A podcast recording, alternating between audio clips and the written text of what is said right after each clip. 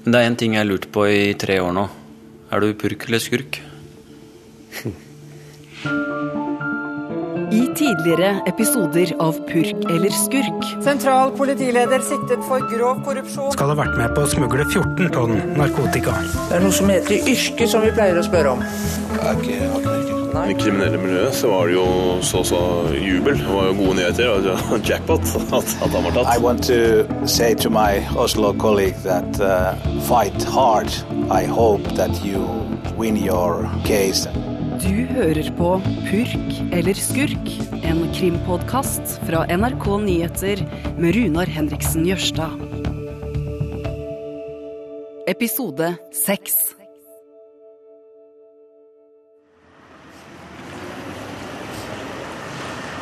Da jeg våkna i dag tidlig, så følte jeg meg litt trist. Hvorfor det?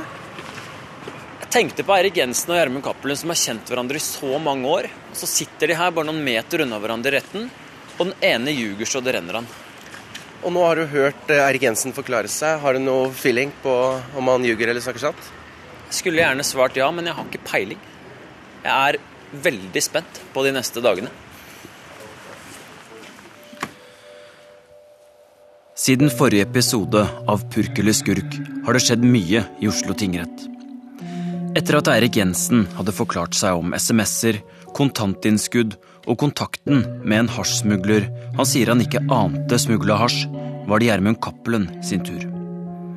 Nå skulle han fortelle sin versjon av hva som skjedde. En totalt annerledes versjon. Og sånn har det vært her i retten hele den første måneden. Først sier Jensen én ting, så kommer Cappelen med en helt annen forklaring. Derfor handler denne episoden av Purk eller skurk om løgn.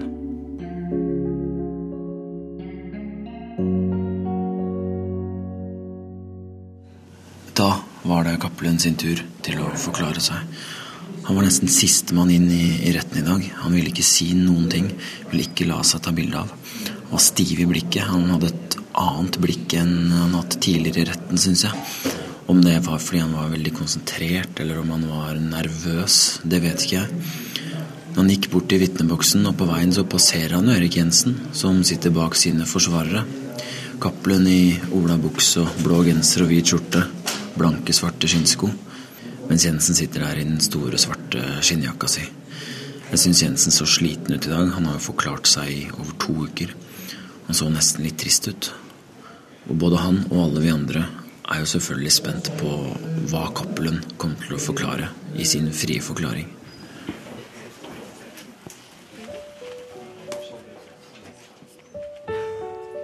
Gjermund Cappelen har de to siste ukene vært hovedpersonen i retten. Han sitter i vitneboksen og svarer på spørsmål etter spørsmål fra aktor og dommer. Målet til Cappelen synes å være ganske klart. Han vil ha strafferabatt. Derfor må han gjøre alt han kan for at Jensen blir dømt. Gjermund Cappelen sier jo han har gitt Jensen 8,5 millioner i bestikkelser.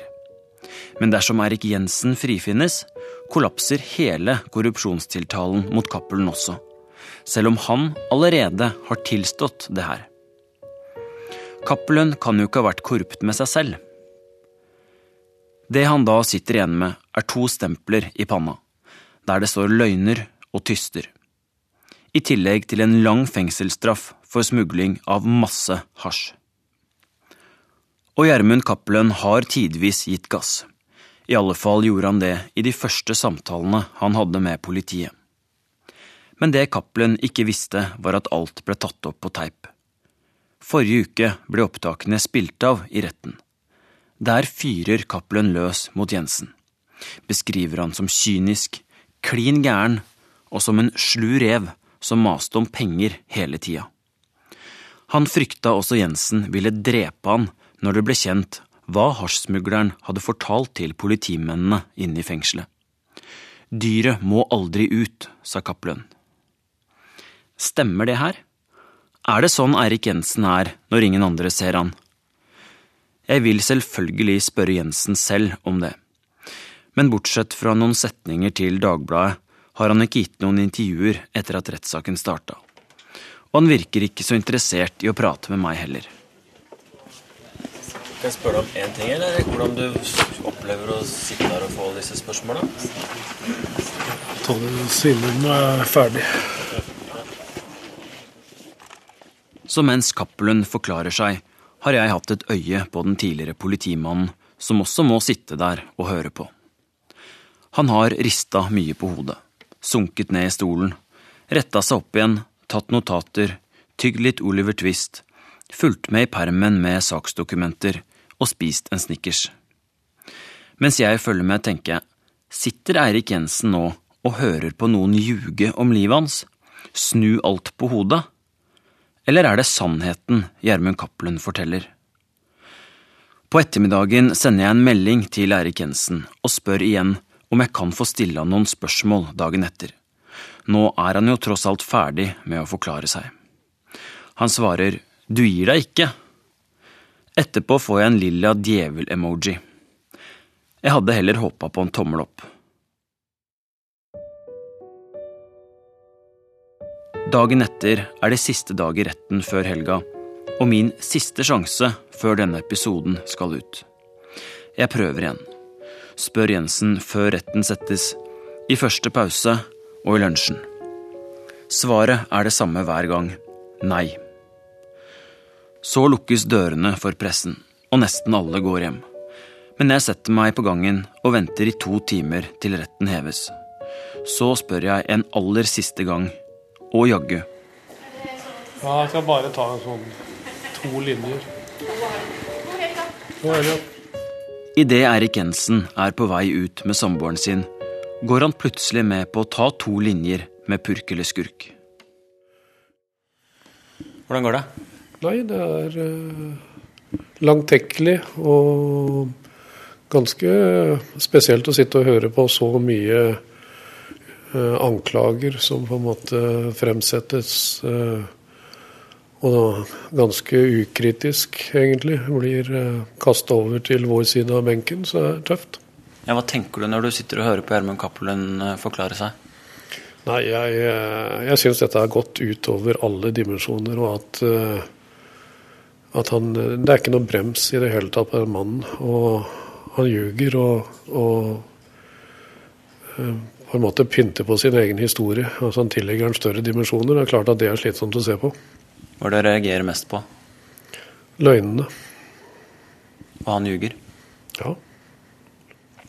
Hvis det er sånn som du sier, at uh, det du sier er sant, mens det han sier er løgn, hvordan er det da å sitte og høre på det her dag etter dag og vite at man risikerer mange år i fengsel? Nei, altså Jeg tar på en måte hver dag som den kommer. Og, og jeg har vært forberedt på dette i snart tre år. At, at man må liksom på en måte ta den runden i retten. Uh, blir du forbanna, eller? Ja, altså jeg blir, jeg blir Selvfølgelig blir jeg forbanna, men det løser jo ingenting. Men det er jo liksom det å sitte og lytte på det og, og høre liksom eh, hvordan alt blir snudd på hodet. Det er klart at det er belastende. Eh, og alt det man har gjort og hva man har bidratt med, altså meg da vis-à-vis personlige forhold rundt han osv., det snus nå til noe kynisk. Eh, og det syns jeg er ekstremt tungt å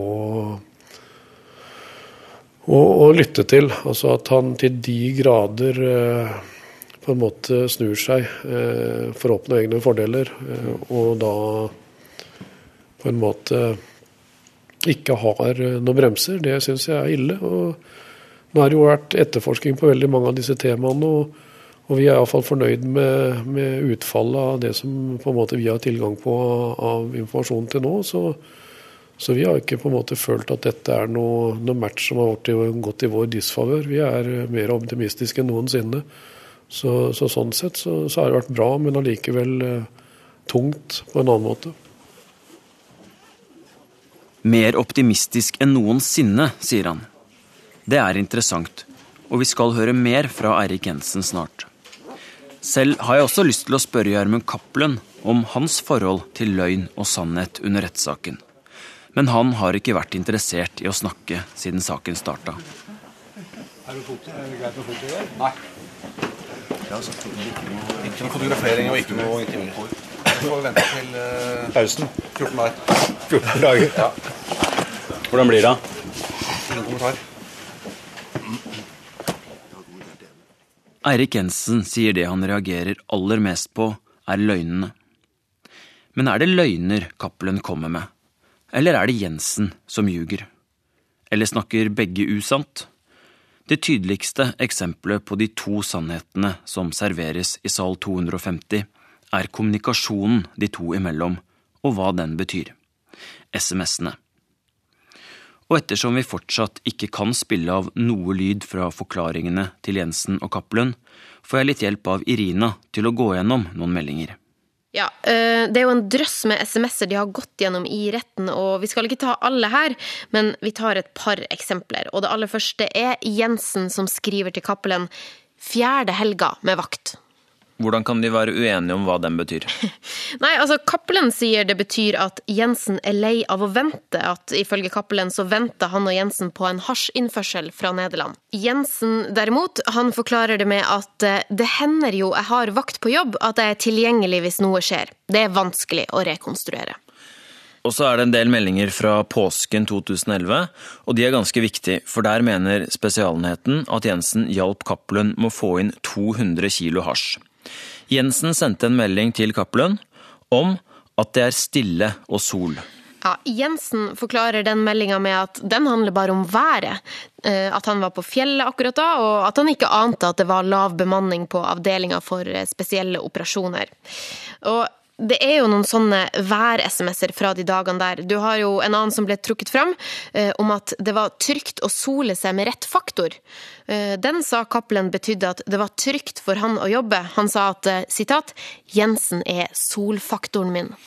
Ja, og da var det mange som lo i Oslo tingrett, også Eirik Jensen. Men vi tar en siste melding, og den handler ikke om vær, men er nok et eksempel på at de to alltid har to helt forskjellige versjoner. Ja, Jensen uh, sendte en melding til Cappelen, faktisk sendte han den flere ganger, der det sto 'Hei, sjekka lista. Av 100 påmeldte møtte kun 90'. Og der mener Jensen at det er kode for dato, at det betyr datoen 10. i 9. Men uh, da Cappelen ble spurt om det samme, så sa han at nei, det handler om penger at Eirik Jensen skulle få 100 000 kroner for å ha hjulpet Cappelen med en hasjlast, men så hadde han bare fått 90 000, og derfor maste han da om de resterende ti. Jeg synes det er ganske fascinerende hvor ulike forklaringer de to alltid har. Og i prinsippet så kan de jo si at SMS-ene betyr hva som helst, siden de er skrevet med kodespråk. Og både Cappelen og Jensen har jo store problemer med å huske mange år gamle meldinger. Men begge prøver å forklare hva de kan ha betydd.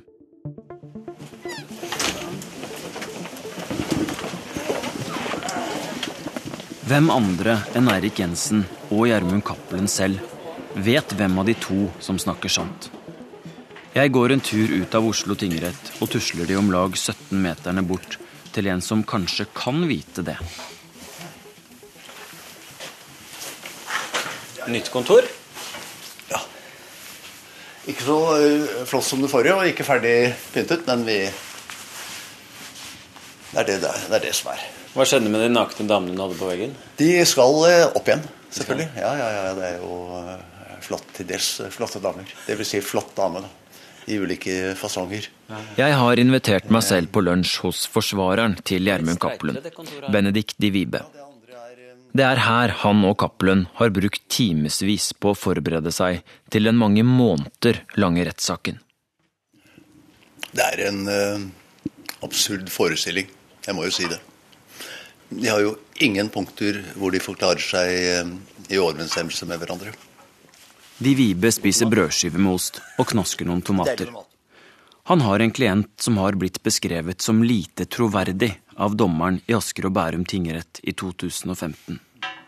Vet han om Gjermund Cappelen snakker sant? Men tror du på han, eller spiller ikke det noen rolle? Det spiller nok kanskje indirekte en liten rolle. Men jeg er ikke så veldig opptatt av om jeg tror på klienten. Jeg forholder meg til det klienten sier. Men hvordan har eh, dere forberedt dere da på den eh, rettssaken der? Den eneste forberedelse egentlig som er gjort ordentlig, det har vært å gå gjennom tidslinjene. Fordi tidslinjene eh, har han aldri blitt forelagt i noe avhør.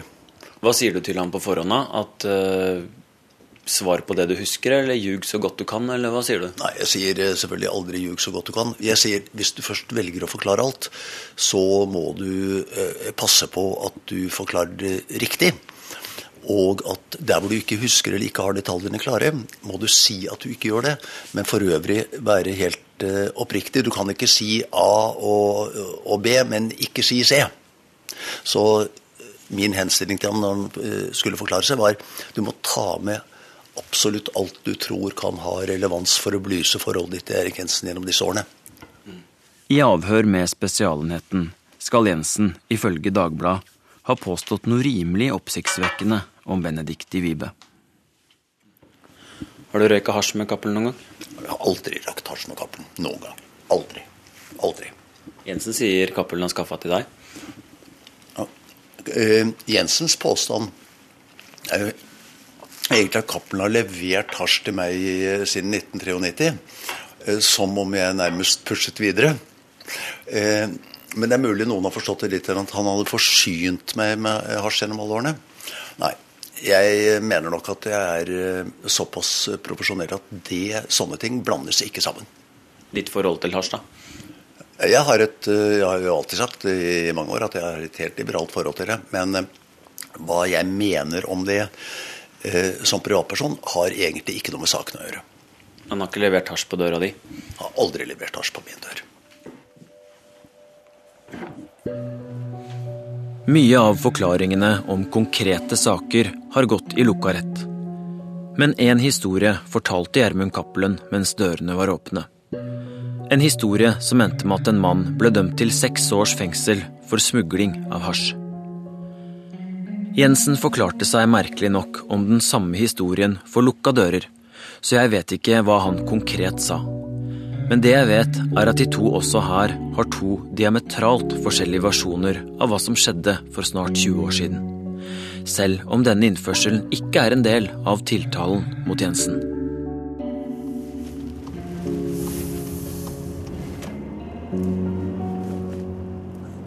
Onsdag 1.4.1998 så satt en svensk mann seg bak rattet på sin svarte Ford Sierra.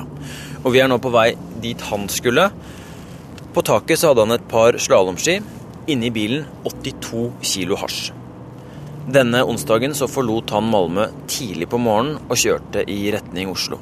Det skal ha vært en eks-jugoslav, en som visstnok het Peter, som hadde gitt han jobben, og kureren skulle få 25 000 kroner for å frakte hasjen over grensa og levere bilen på en parkeringsplass utenfor Hotell Bastion nede i Oslo sentrum. Men det gikk ikke helt som planlagt? Nei, det gjorde ikke det. Fordi like etter at han kjørte over grensa ved Svinesund Han kjørte riktignok på, på grønn sone kvart over fire på ettermiddagen. Like etter så ble han vinka til side. Og tollerne fatta mistanke da han sa han skulle til Vestfold for å kjøre på ski. Det var nemlig elendige snøforhold i den delen av landet 1.4.1998. Så tollerne begynte å kikke bilen hans og fant rimelig kjapt hasjen. Da ringte de politiet i Halden, som rykka ut, og ble enig med den svenske kureren om å følge etter han dit han skulle levere narkoen. Og Grunnen til det var jo at politiet da ville ta mottakerne av hasjen. Dette er beskrevet i dommen fra Halden byrett. Nå vi Skippergata. Så inn her. Der ligger hotellet. Hotell Bastion på høyre. Jeg tipper det er den plassen der, jeg. Da står vi på en svær parkeringsplass rett utenfor Hotell Bastion. Ganske gammelt hotell med grønne vinduskarmer. Vi ser rett bort på Color Line eller en eller annen danskebåt som ligger der. Og rett på andre sida ligger havnelageret. Svær, lilla bygning. Og det var altså her svensken og politiet sto og venta. De sto og venta lenge. Ja, de måtte jo det, for det kom jo ingen og henta hasjen. 82 kilo lå jo i Sierraen til svensken, men ingen dukka opp for å hente varene. Og ifølge Gjermund Cappelen var jo hasjen på vei til han. Men han sier at Erik Jensen hadde varsla han om at kureren var tatt, og at politiet lå og venta i buskene her, og at ingen fra nettverket til Cappelen måtte møte opp for å hente hasjen. Ja, Han snakka jo om det i retten. Ja, I retten sa Cappelen at der får jeg varsling om at vedkommende er tatt fra Eirik Jensen. Da har han vært på jobb og overhørt at det har blitt tatt en last. Og Eirik Jensen han innrømmer jo at han var på jobb den kvelden, men sier at han var der for å skrive en søknad, og at han først hørte om den pågrepne kureren i ettertid. Så det store spørsmålet er jo da kunne Eirik Jensen med den jobben han hadde, ha visst? Nå er vi gamle E6 og gamle tollstasjon.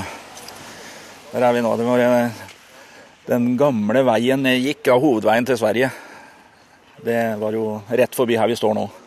Vi kan gå bort på sida her og se. Vi er på Svinesund.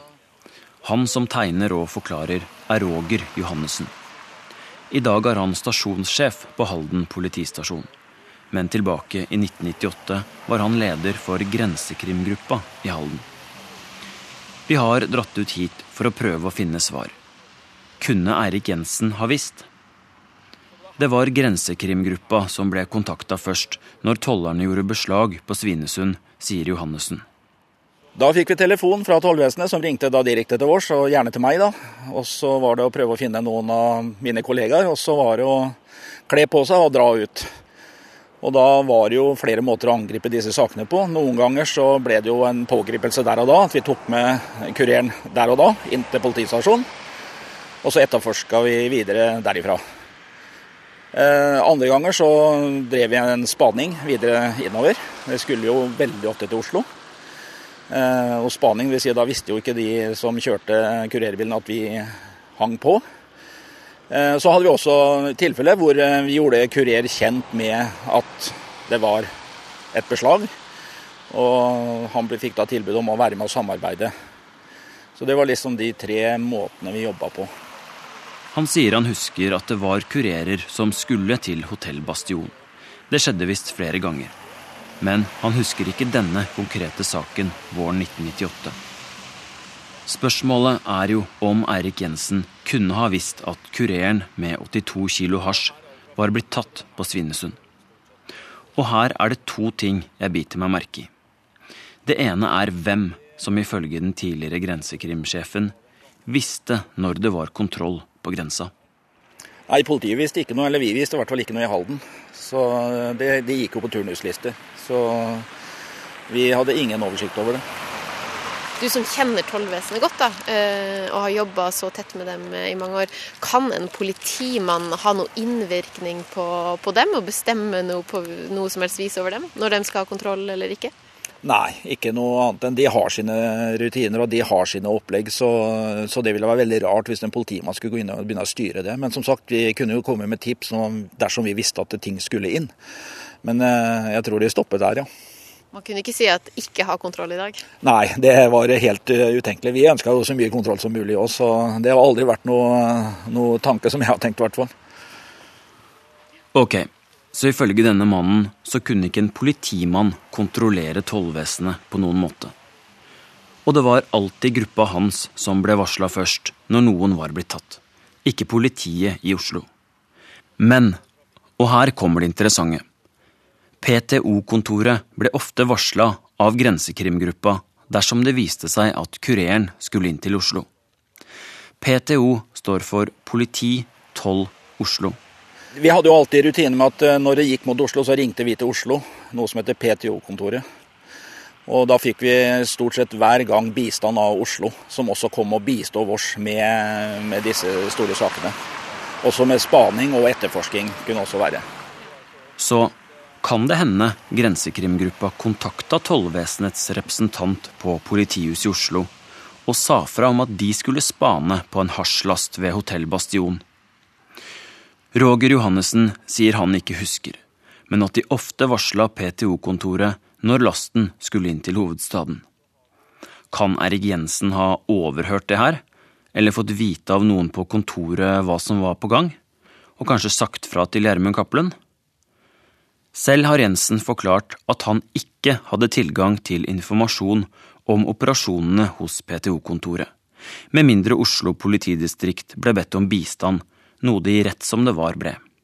Han var på jobb denne kvelden, men sier han satt og skrev en søknad og ikke visste noe om det som skjedde utenfor Hotell Bastion. Cappelen derimot mener dette var første gang Jensen varsla han. Har du varsla om noen uh, narkotikalaster som uh, var tatt? Nei. Har du noen gang fått noe penger av han? Nei. Hvordan er det å sitte og høre på de beskyldningene nå? Nei, Det føyer seg bare inn i rekka. Det er jo dette som er historien, og det må man jo høre på, enten man vil eller ikke. Det som er en realitet, at dette er ikke praktisk gjennomførbart. Uh, og det skremmer meg litt. At uh, disse fagpersonene som har vært inne her sånn, ikke kan lande denne på en måte historien på, på, på facts. For det Cappelen går fra skanse til skanse på, det er ikke mulig å gjennomføre i, i norsk politi, eller eh, selv ikke tollvesenet greier å ha sånn kontroll som han hevder. Så det er, eh, det er eh, ikke riktig. De kontantinnskuddene, hva var det for noe? Nei, Det har jeg forklart meg om. Og de blir veldig interessante opp mot historien hans. Så egentlig så er det veldig greit at jeg har hatt penger og oppsparte midler i lang, lang tid. Så det kan vise seg at det blir et veldig positivt element i saken når, eh, når vi kommer litt lenger frem i prosessen. Mm. Men Har det vært mulig for deg å vite om alle de tingene Cappelen påstår? Nei. Men er ikke det ting som burde gå greit å sjekke ut? Det er sjekket ut. Det er ikke ideelt å intervjue en person på denne måten som jeg gjør nå. Jensen har sagt at han bare skal si to setninger. Men akkurat som forrige gang blir det mer. Utfordringen er bare at jeg ikke vet hvor mye mer det blir. Jeg føler at jeg står der litt på nåde og hele tida må snike meg til et spørsmål til. Kanskje er det derfor jeg klarer det kunststykket å glemme å spørre om noe av det jeg lurer aller mest på. Nemlig hvordan i all verden han ikke visste at Gjermund Cappelen var storkriminell. Jensen sier jo han trodde Cappelen drev med klokker og eiendom, og aksjer og kunst. Du grua deg til å forklare deg. Hvordan syns du det var? Gru, alle gruer seg for å sette seg i den boksen. Det er klart at uh, Hvis man ser måten jeg blir behandlet på kontra det Gjermund Cappelen uh, blir behandlet på, så, så, kan jo de fleste få lov til å på en måte selv eh, tenke hvordan det føles. Eh, så jeg tror det egentlig er ganske dekkende hvis man sammenligner de to prosessene med hverandre. Så, så skjønner man jo hvorfor at jeg ble sliten eh, i perioder der. Du sa det var noe av det vanskeligste du har gjort? Ja, det er for å på en måte holde kontroll på både temperament og Altså når du vet at uh, hele spørsmålsstillingen går jo på, på en måte å få frem de verste scenarioene uh, rundt deg. Altså på en måte vise eller få dannet et bilde av deg som en, en kynisk og pengegrisk eh, person. Eh, uten noe som helst form for etikk. Det er klart, Jeg tror ikke det er så veldig mange som egentlig har syntes at det har vært noe nice opplevelse, holdt jeg på å si. Altså vært gjennom en sånn kvern og så komme ut på den andre siden og gjøre seg sine refleksjoner, så jeg tror jeg ingen kan si at dette har vært morsomt. Men etter en måned i retten nå, hva er det du ønsker du ikke hadde gjort da? Nei, jeg, som jeg sier eh, det, det, vil jeg ikke på en måte ta sånn Jeg har nevnt det i retten, jeg fikk jo spørsmålet der, og, og det får holde. Altså, det er mye man kunne gjort annerledes. Sånn er det i alle levde liv. At eh, det er sekvenser i livet man selvfølgelig kunne gjort annerledes. Og sånn er det jo selvfølgelig her òg. Da jeg spurte han hva han reagerte mest på inne i retten, svarte han løgnene. Og det er det denne episoden, eller kanskje hele rettssaken, handler om. Løgn. Og selvfølgelig bevis. Men det er det foreløpig for tidlig å si så mye om, siden det fortsatt er lenge igjen av rettssaken. Og jeg vet ikke hva som eventuelt vil komme frem senere. Det som er lagt frem av bevis så langt, er SMS-er, Cappelen sin forklaring og ting knytta til kontantbruk og betalingen av Jensen sitt nyoppussa bad. Mens jeg sitter i rettssalen og hører på de to forklare seg, tenker jeg. Finnes det en metode for å finne ut hvem som lyver? Vi får høre med henne. Hun bor her.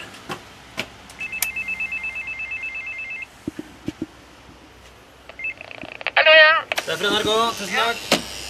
fjerde etasje. Ja, takk. Hei, hei. På toppen. Ja, ikke sant? Ja, hei. Litt trim og greier. Ja, hei. Runar. Live. Hei. Det er Martin. Hei, hei. Hei, hei. Martin. Live. Hyggelig. Live Bressendorf Linseth er ekspert på kroppsspråk. Hun har gitt ut bøker om det og gitt råd til Forsvaret, tollvesenet, politiet, helsevesenet og en rekke andre. Kanskje hun kan hjelpe meg med å lese de to tiltalte i Oslo tingrett litt bedre. Kan du se om noen lyver? Ja, det kan jeg. Hun lister opp seks ulike elementer hun ser etter for å vurdere om en person snakker sant eller skjuler noe. Det er mimikk og ansiktsuttrykk og hvordan man beveger kroppen. Det kan også være måten de bruker stemmen på, at de har pauser lenge plutselig. Hvorfor har de det? Er det for å tenke seg om, eller er det fordi de er usikre på hva skal jeg si nå for å bli trodd at de virkelig er nødt for å gå gjennom dette? For å lyve er jo vanskelig. For du må hele tiden klare å svare riktig i forhold til det du begynte med. For at det skal henge på greip. Det femte det handler om eh, hvordan eh, man eh, ordlegger seg, liksom. Eh, la meg si du sitter Du prøver å fortelle, eller fordreie sannheten, for å si det litt pent. Og så stiller folk seg noen spørsmål, og så syns du dette er vanskelig, for dette må jo passe med det du har sagt før. Så når du stiller meg et spørsmål, så gjentar jeg spørsmålet ditt. Fordi at når jeg gjentar spørsmålet ditt, får jeg tid til å tenke. I tillegg, sier hun, handler det selvfølgelig om innholdet i det personen sier. Om det henger på greip, og om man virker spontan når man snakker. Jeg ser for meg Erik Jensen. Han ser mye på aktor. Det er mye han ikke husker, men når det er snakk om politiarbeid, blir han ivrig. Gjermund Cappelen er litt mer på hugget. Sitter fremoverlent, nær mikrofonen, snakker fortere og svarer mye ja. Også han sliter med å huske SMS-er og møter de to har hatt med hverandre. Hvor krevende er det å lyve om samme historie over flere år? Ja, det er veldig krevende. Det krever faktisk at du går inn i eh, en slags uh, person Det blir litt sånn å gå inn i en avatar, hvis du skjønner hva jeg mener. Rett og slett. Altså at du uh, skaper en person som du hopper inn i. Men så må du være veldig forsiktig i forhold til at du vet hvilken person du er når. Men er det noen som er så gode til å lyve at verken en dreven aktor, en løgndetektor eller noen med din kompetanse har sjanse til å avsløre det? Ja. Man sier gjerne at uh, man kan vel avsløre opp til, til 90 men det vil alltid være 5-10% mennesker som ikke noen klarer å avsløre. Uh, det har sammenheng med at de ikke har veldig mye samvittighet. Mm. Uh, de reagerer ikke så voldsomt. Føler ikke noe anger eller samvittighet, skam, skyld. Sånn at da får de ikke den emosjonelle reaksjonen som vi er på jakt etter, kan du si. Psykopater f.eks. er jo et glitrende Eller sosiopater, kall det hva du vil. De er jo et glitrende godt eksempel på det. Sånn som Cappelen, han sier ja veldig mye. Han svarer ja på nesten alt. Trenger nesten ikke være et spørsmål fra aktor. Han sier veldig mye ja. Det kommer veldig raskt. Hvordan tolker vi det? Ja, Det kan jo være at han ønsker å virke positiv. Det kan også være en måte å prøve å hindre at det kommer for vanskelige spørsmål, ved å være positiv og samarbeidsvillig. Gi inntrykk av det. Mm. Ja er jo et positivt ord, ikke sant. Hvis du blir sint da, sånn som Jensen ble? Sinne behøver ikke nødvendigvis bety at folk lyver. Sinne kan bety at man er oppgitt, at man er lei seg. At man er uh, forbannet fordi man blir mistenkt for noe man ikke har gjort. Faktisk. Alltid helheten, ikke enkeltheter. Mm. Mm. Det er summen som er interessant. Det er ikke så lett, det her. Nei, det er det ikke. Det er det ikke. Noe av det som har overrasket meg i retten de siste ukene, er den respektfulle tonen mellom Jensen og Cappelen. Jeg vil han ikke noe vondt, har Jensen sagt om Cappelen. Men så skjedde det noe. Etter at Cappelen hadde sittet i vitneboksen og forklart seg i flere dager, måtte han ta plass i stolen sin ved siden av Benedikt de Vibe og bare lytte. Og det han og alle vi andre i sal 250 fikk høre, var noe helt spesielt. Tre skjulte opptak av de første samtalene Cappelen hadde med to politispanere etter at han ble tatt. Opptakene ble gjort inne i fengselet. Advokat Di Vibe var ikke til stede, og Cappelen ante ikke at samtalene ble tatt opp på bånd. For oss som har lurt på hvordan det hele starta, hvorfor Cappelen anga politimannen han hadde samarbeida med i 20 år, var det svært interessant å høre hva som ble sagt på opptaket. Mens alle i salen sitter helt stille, hører vi Cappelens stemme for tre år siden si at dette kommer til å bli brutalt. At han nærmest har blitt utsatt for utpressing. Han nevner ikke noe navn, men sier han har samarbeida med en i politiet helt siden 1993. Det kommer til å bli en katastrofe, sier han. Han kommer til å prøve å drepe meg, helt sikkert.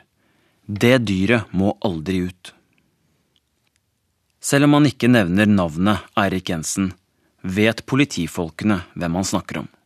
Det er derfor de er der. Over høyttalerne i tingretten hører vi Cappelen si at første gang han satte over penger til Jensen, var i 1993, det samme året som de møttes. 10 000 kroner, overført via en bank på Lysaker. At det totalt har blitt millioner av kroner, og at han i retur har kunnet holde på helt fritt. At Jensen har sørga for at tollvesenet har fjerna seg, eller at han har hatt kontroll over grenseoverganger. Så hvis noe blir tatt, får jeg beskjed, hører vi Cappelen si til politispanerne i fengselet. Da er det ingen som møter opp for å hente hasjen. Det er spesielt å høre på. Tonen mellom de tre, altså politimennene og Cappelen, er til tider munter. De ler flere ganger. Cappelen stiller krav om å få noe igjen hvis han skal fortelle alt. Han nevner ordet amnesti og hvor fort han vil løslates. Og så vil han gjerne ha fuktighetskrem og deodorant. Igjen er tonen munter. Jeg synes nesten det er litt ubehagelig å høre på. Jeg trodde ikke det var sånn politifolk førte en samtale med en sikta person. Men de hadde tydeligvis en plan. Det er jo ikke noe formelt avhør. Cappelen visste jo ikke engang at politifolkene tok opp samtalene. Et formelt avhør så skal du være gjort kjent med dine rettigheter. Det er en forsvarer til stede som regel, og du skriver under. Her kan man jo si hva som helst, egentlig. Inge D. Hansen, som har fulgt de største rettssakene i Norge gjennom flere tiår, var også ganske overraska da vi kom ut av salen etter at samtalene var blitt spilt av. Ja, Det er jo noe helt uvanlige greier som vi har hørt på. Du har altså to spanere som oppsøker han til tre såkalte uformelle samtaler på cella. Og eh, de har jo en spesiell agenda. De har ingenting med etterforskningen av Hassin å gjøre. De er ute etter å få vite mest mulig om denne politikilden hans. Og tidlig i samtale nummer to så kommer jo navnet frem. Men allerede i første samtale så uh, sier uh, han sitter på en bombe, og at han kan gi det en politimann på et fat. Og det er klart at uh, da er det én ting Cappelen er ute etter strafferabatt. Forsvareren til Cappelen, Benedicte Vibe, vil ikke gå inn på hvor stor strafferabatt han mener Cappelen kan få dersom retten velger å tro på historien hans, ikke historien til Eirik Jensen. Men Cappelen gjør vel det han kan for å få Jensen dømt? Nei, det vil jeg ikke si. Okay. Eh, han, han, gjør, han, gjør, ikke det. Eh, han har understreket flere ganger at dette, denne saken eh, har bare tapere, sier han. Det er en tragedie for ham og hans familie, og, og Cappelen og hans familie. Han ønsker selvfølgelig at eh, retten skal finne at hans historie samsvarer med det som har skjedd. Mm. Eh, noe annet vil jo være tøv å si. Men, men han er ikke spesielt opptatt av verken Jensen som sådan blir dømt, eller at han får så så streng straff. Hvor viktig er det for eh, Cappelens videre liv da, å bli trodd? Ha. Eh, Cappelen, uansett, uansett, hvordan saken går, så får Cappelen et meget vanskelig liv etterpå. Hvordan da? Ja. Eh, det kommer frem opplysninger om at uh, han har gitt informasjon til Erik Jensen. Eh, eh, mange, enten med rette eller ikke med rette, vil kanskje tenke å ja, det var derfor jeg ble tatt, ja. Eh, så jeg tror han eh, risikerer å bli konfrontert med dette i mange år fremover. Og noen er ikke bare fornøyd med en, en muntlig konfrontasjon, så det kan åpenbart være situasjoner for uh, Cappelen hvor, hvor livet kan bli skikkelig vanskelig for ham. I Oslo tingrett har de fleste gått hjem for dagen. En og annen journalist sitter igjen og skriver den siste saken om lydopptakene fra fengselet. Mens jeg spør Erik Jensen om hva han tenker om det Gjermund Cappelen sa i de hemmelige opptakene. Nei, Jeg tror ikke jeg skal kommentere den som vil det. Den tror jeg er opp til hver enkelt å, å høre nøye på. Eh, og Denne saken er jo stort sett basert på de tre samtalene der. Og han blir jo geleidet pent og pyntelig. Han blir lovet, og han får på en måte eh, bekreftet eh, stort sett alt det han ber om. At det er under arbeid, og at det antakeligvis går bra, og at han eh, ikke må inkriminere seg selv. Og, og han har vært inne på amnesti. Altså, for meg virker det som systematisk kjøpslåing. Det er jo han som kjøpslår, det er han som skal ha fordelene.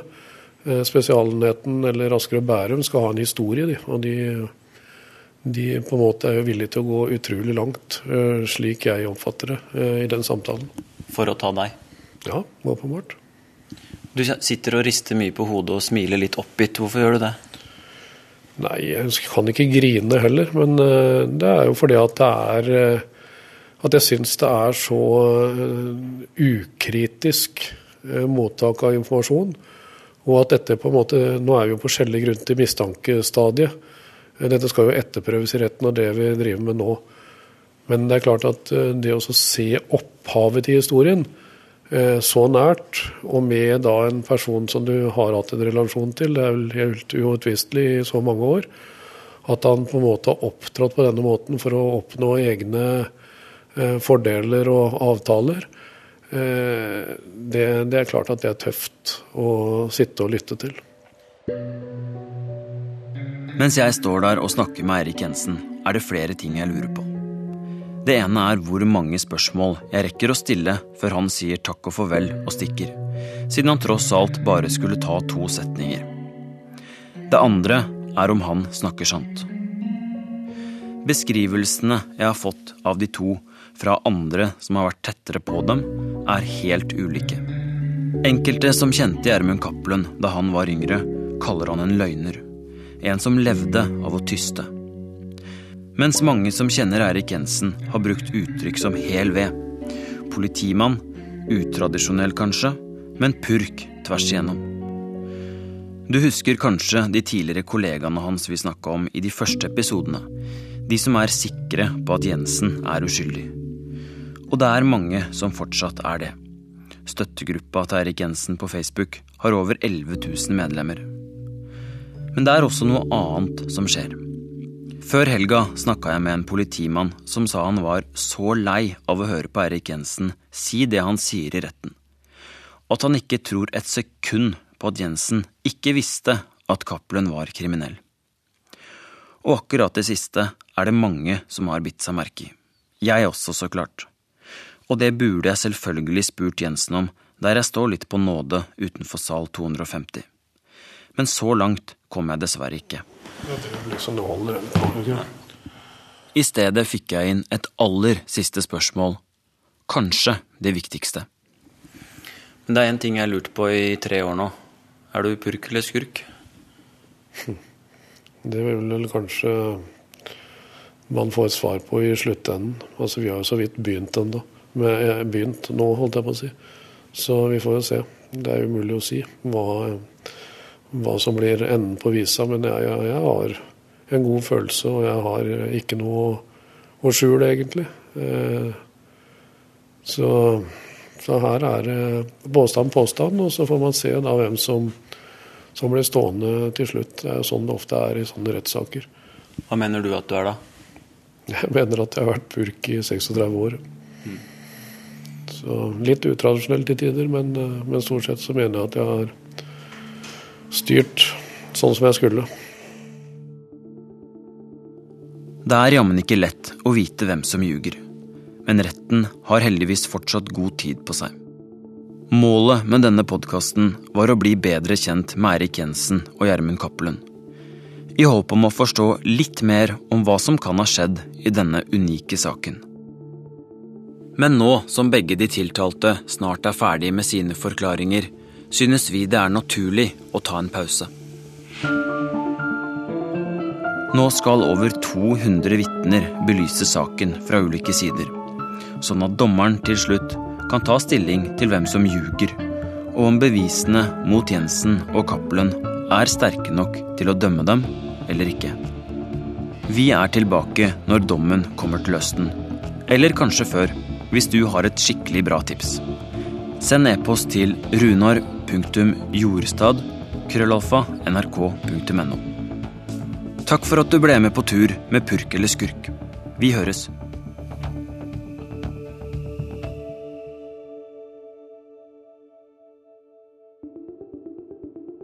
Vi som lager Purk eller skurk, heter Runar Henriksen Jørstad, Lillian Grønning, Martin Giæver og Irina Kjelle. Musikken den er av Jane Kelly og Sindre Hotvedt.